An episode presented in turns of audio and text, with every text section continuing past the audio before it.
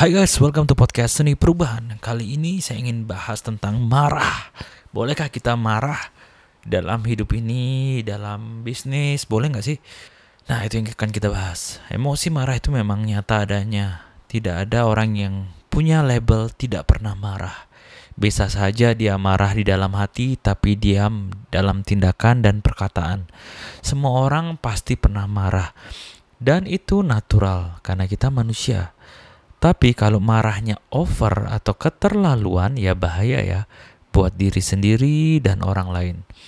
Namun, bagaimana cara kita mengontrol emosi ini supaya tidak menimbulkan hal-hal yang tidak baik di dalam diri kita dan di luar diri kita? Mari kita bahas. Anda, saya, dan semua orang di dunia ini pasti pernah marah. Rasa marah itu adalah salah satu emosi yang kita punya di dalam diri kita. Biasanya, apa saja sih hal-hal yang membuat kita marah? Yang pertama adalah faktor di luar diri kita atau eksternal. Perbuatan dan perkataan orang lain terhadap kita kadang memang kerap membuat kita marah. Kita marah karena orang lain melakukan tindakan yang tidak sesuai harapan kita atau yang kita inginkan atau mungkin yang merugikan kita. Contohnya, karyawan yang melakukan kesalahan fatal padahal sudah diajarin orang-orang yang nyinyir tentang kehidupan kita padahal mereka tidak tahu apa-apa tentang hidup kita orang yang mencoba menipu kita dan melakukan perbuatan yang tidak baik terhadap kita dan masih banyak lagi yang pada intinya adalah berasal dari orang lain. Nah, yang kedua adalah faktor eksternal itu bisa berupa keadaan yang tidak diharapkan. Kita banyak juga mengalami kejadian-kejadian yang tidak kita harapkan. Misalnya, bisnis kita terkena dampak pandemi corona ini. Mungkin bisnis Anda juga terkena dampaknya. Saudara-saudara kita atau orang yang kita sayangi ada juga yang kena masalah kesehatan. Terjadinya bencana alam seperti gempa bumi, kecelakaan, konslet listrik, dan lain-lain yang membuat bisnis kita ini goyang. Dan masih banyak lagi contoh lainnya dari keadaan-keadaan yang di luar kontrol kita tetapi terjadi. Nah, faktor apa lagi yang membuat kita marah adalah poin nomor dua adalah faktor di dalam diri kita, yaitu internal. Yang pertama adalah soal penilaian diri. Kita marah karena kita kesal dengan diri kita sendiri. Mungkin kita salah mengambil keputusan hidup ataupun keputusan bisnis. Mungkin kita merasa gagal dalam pencapaian prestasi di dalam hidup. Kita marah mungkin karena kita merasa tidak berguna dan belum bisa membahagiakan orang-orang yang kita sayangi. Kita marah karena kita merasa harusnya kita bisa lebih baik dari yang kemarin. Kita marah atas perbuatan atau perkataan yang telah kita lakukan atau yang kita katakan terhadap orang lain, baik terhadap pasangan, teman, keluarga, maupun orang lainnya. Hal itulah yang membuat kita marah, yaitu penilaian diri kita terhadap diri kita sendiri. Yang kedua adalah soal ekspektasi.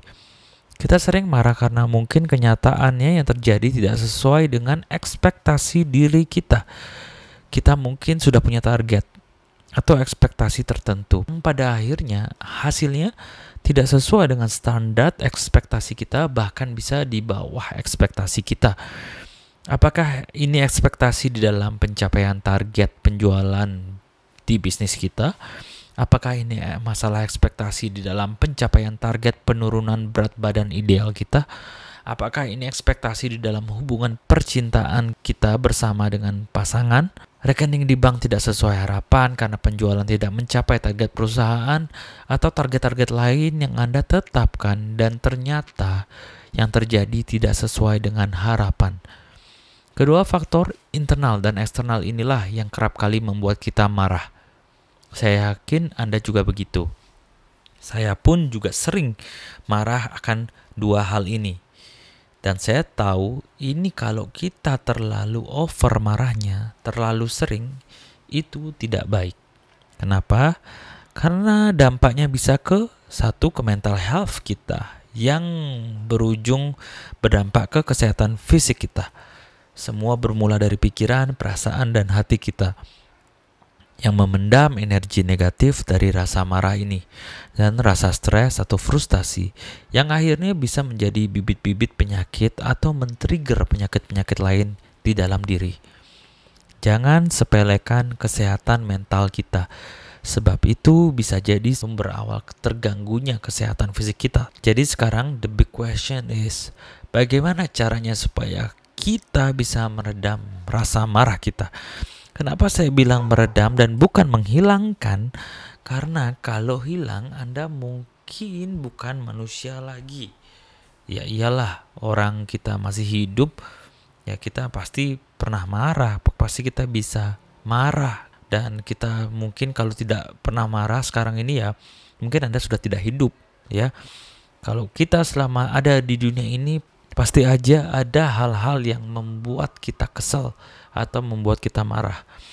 Jadi kita redam atau turunkan saja ya frekuensi marahnya. Yang penting yang menjadi kunci di sini adalah penguasaan diri dan pengendalian emosi. Jika ini kita bisa lakukan, mudah-mudahan saat marah kita tidak menyakiti orang lain dan diri kita sendiri.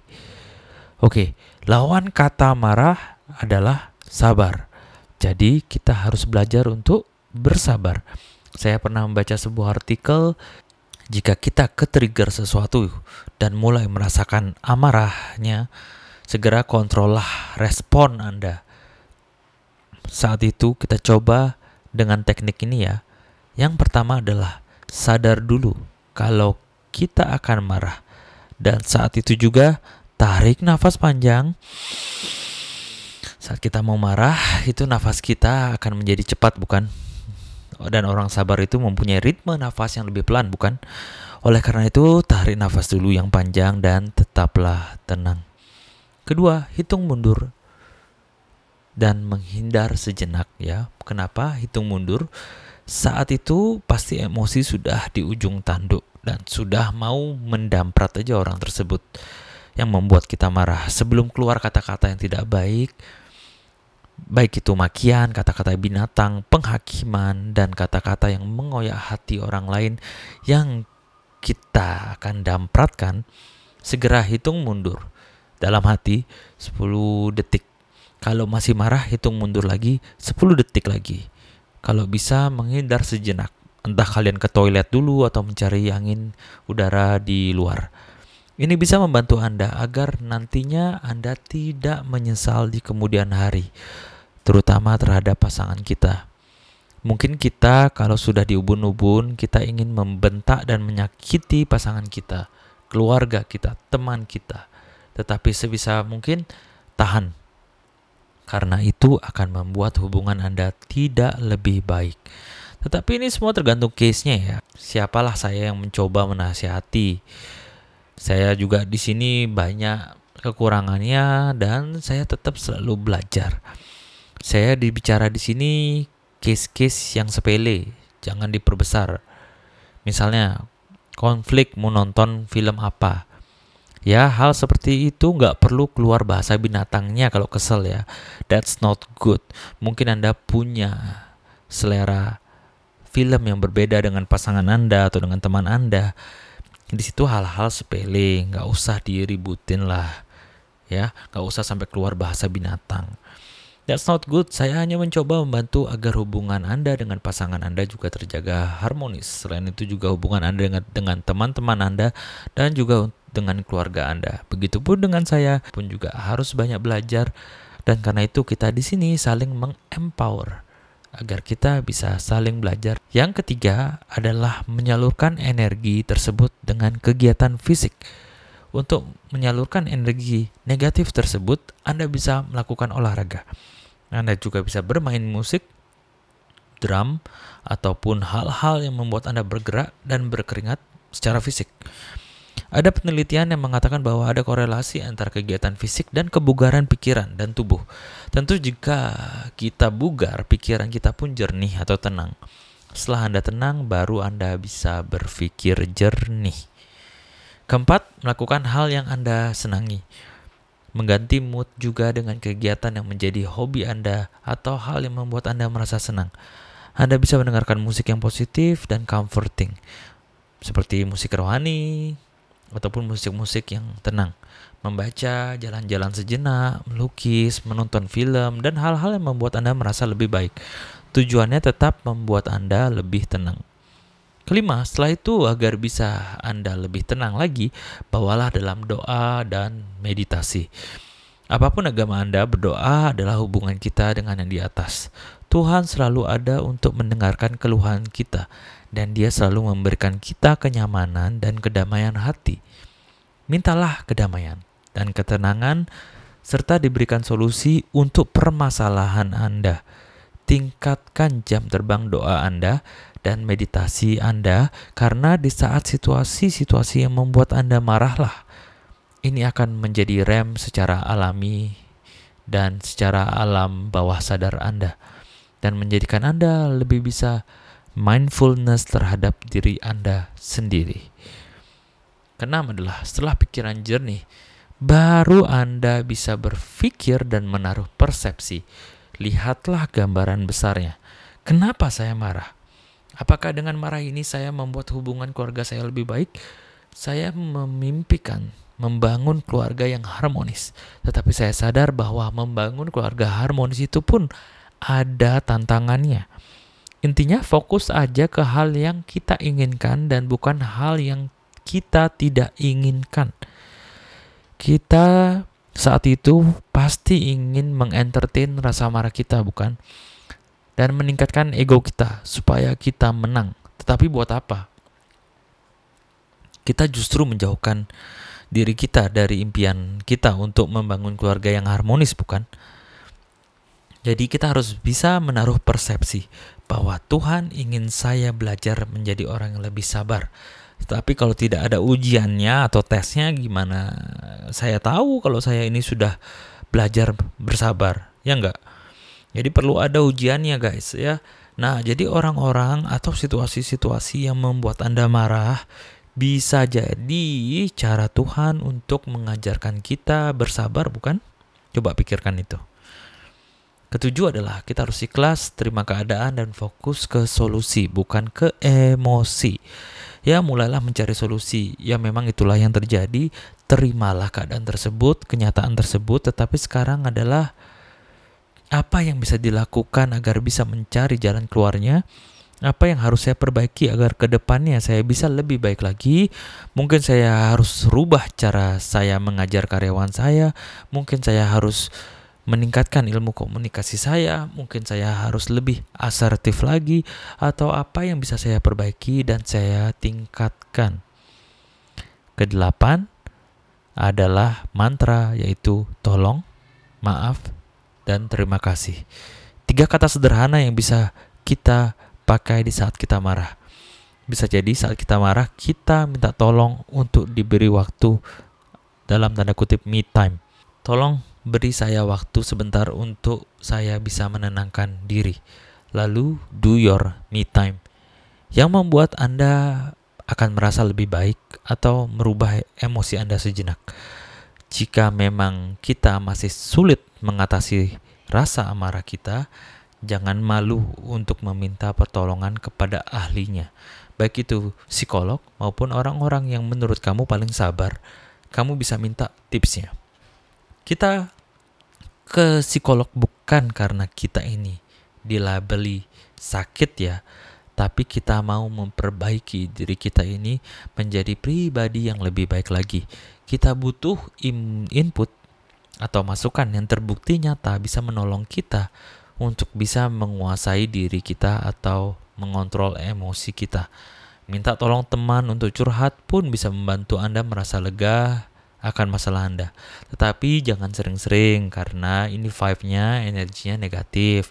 Kasihan teman Anda kalau terlalu sering menampung energi negatif tersebut terlalu banyak, terlalu sering perbanyaklah sharing-sharing hal yang lebih positif ya. Anda dan saya pun tetap pasti pernah lah dalam tanda kutip kelepasan dalam mengontrol emosi. Ya iyalah kita manusia, walaupun kita semua sudah belajar teknik-tekniknya, tetap saja bisa kelepasan. Kita hanya manusia biasa. Jangan lupa jika itu terjadi, segeralah minta maaf.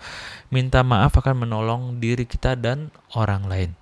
Kita mungkin sudah menyakiti perasaan orang lain dengan minta maaf, kita sadar akan kesalahan kita dan menyesali apa yang kita perbuat.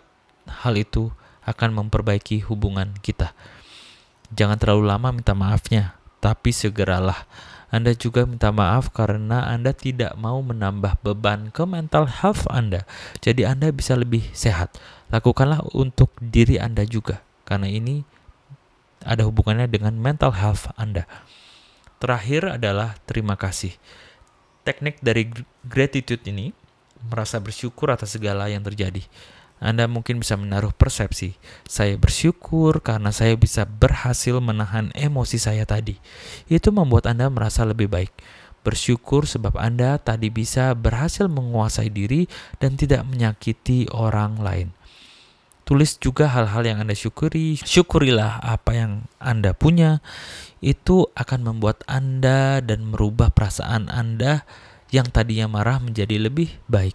Misalnya, istri ingin menonton film yang dia suka dan bukan film pilihan Anda. Anda bisa bersyukur karena saya bisa belajar mencintai dan menerima dia.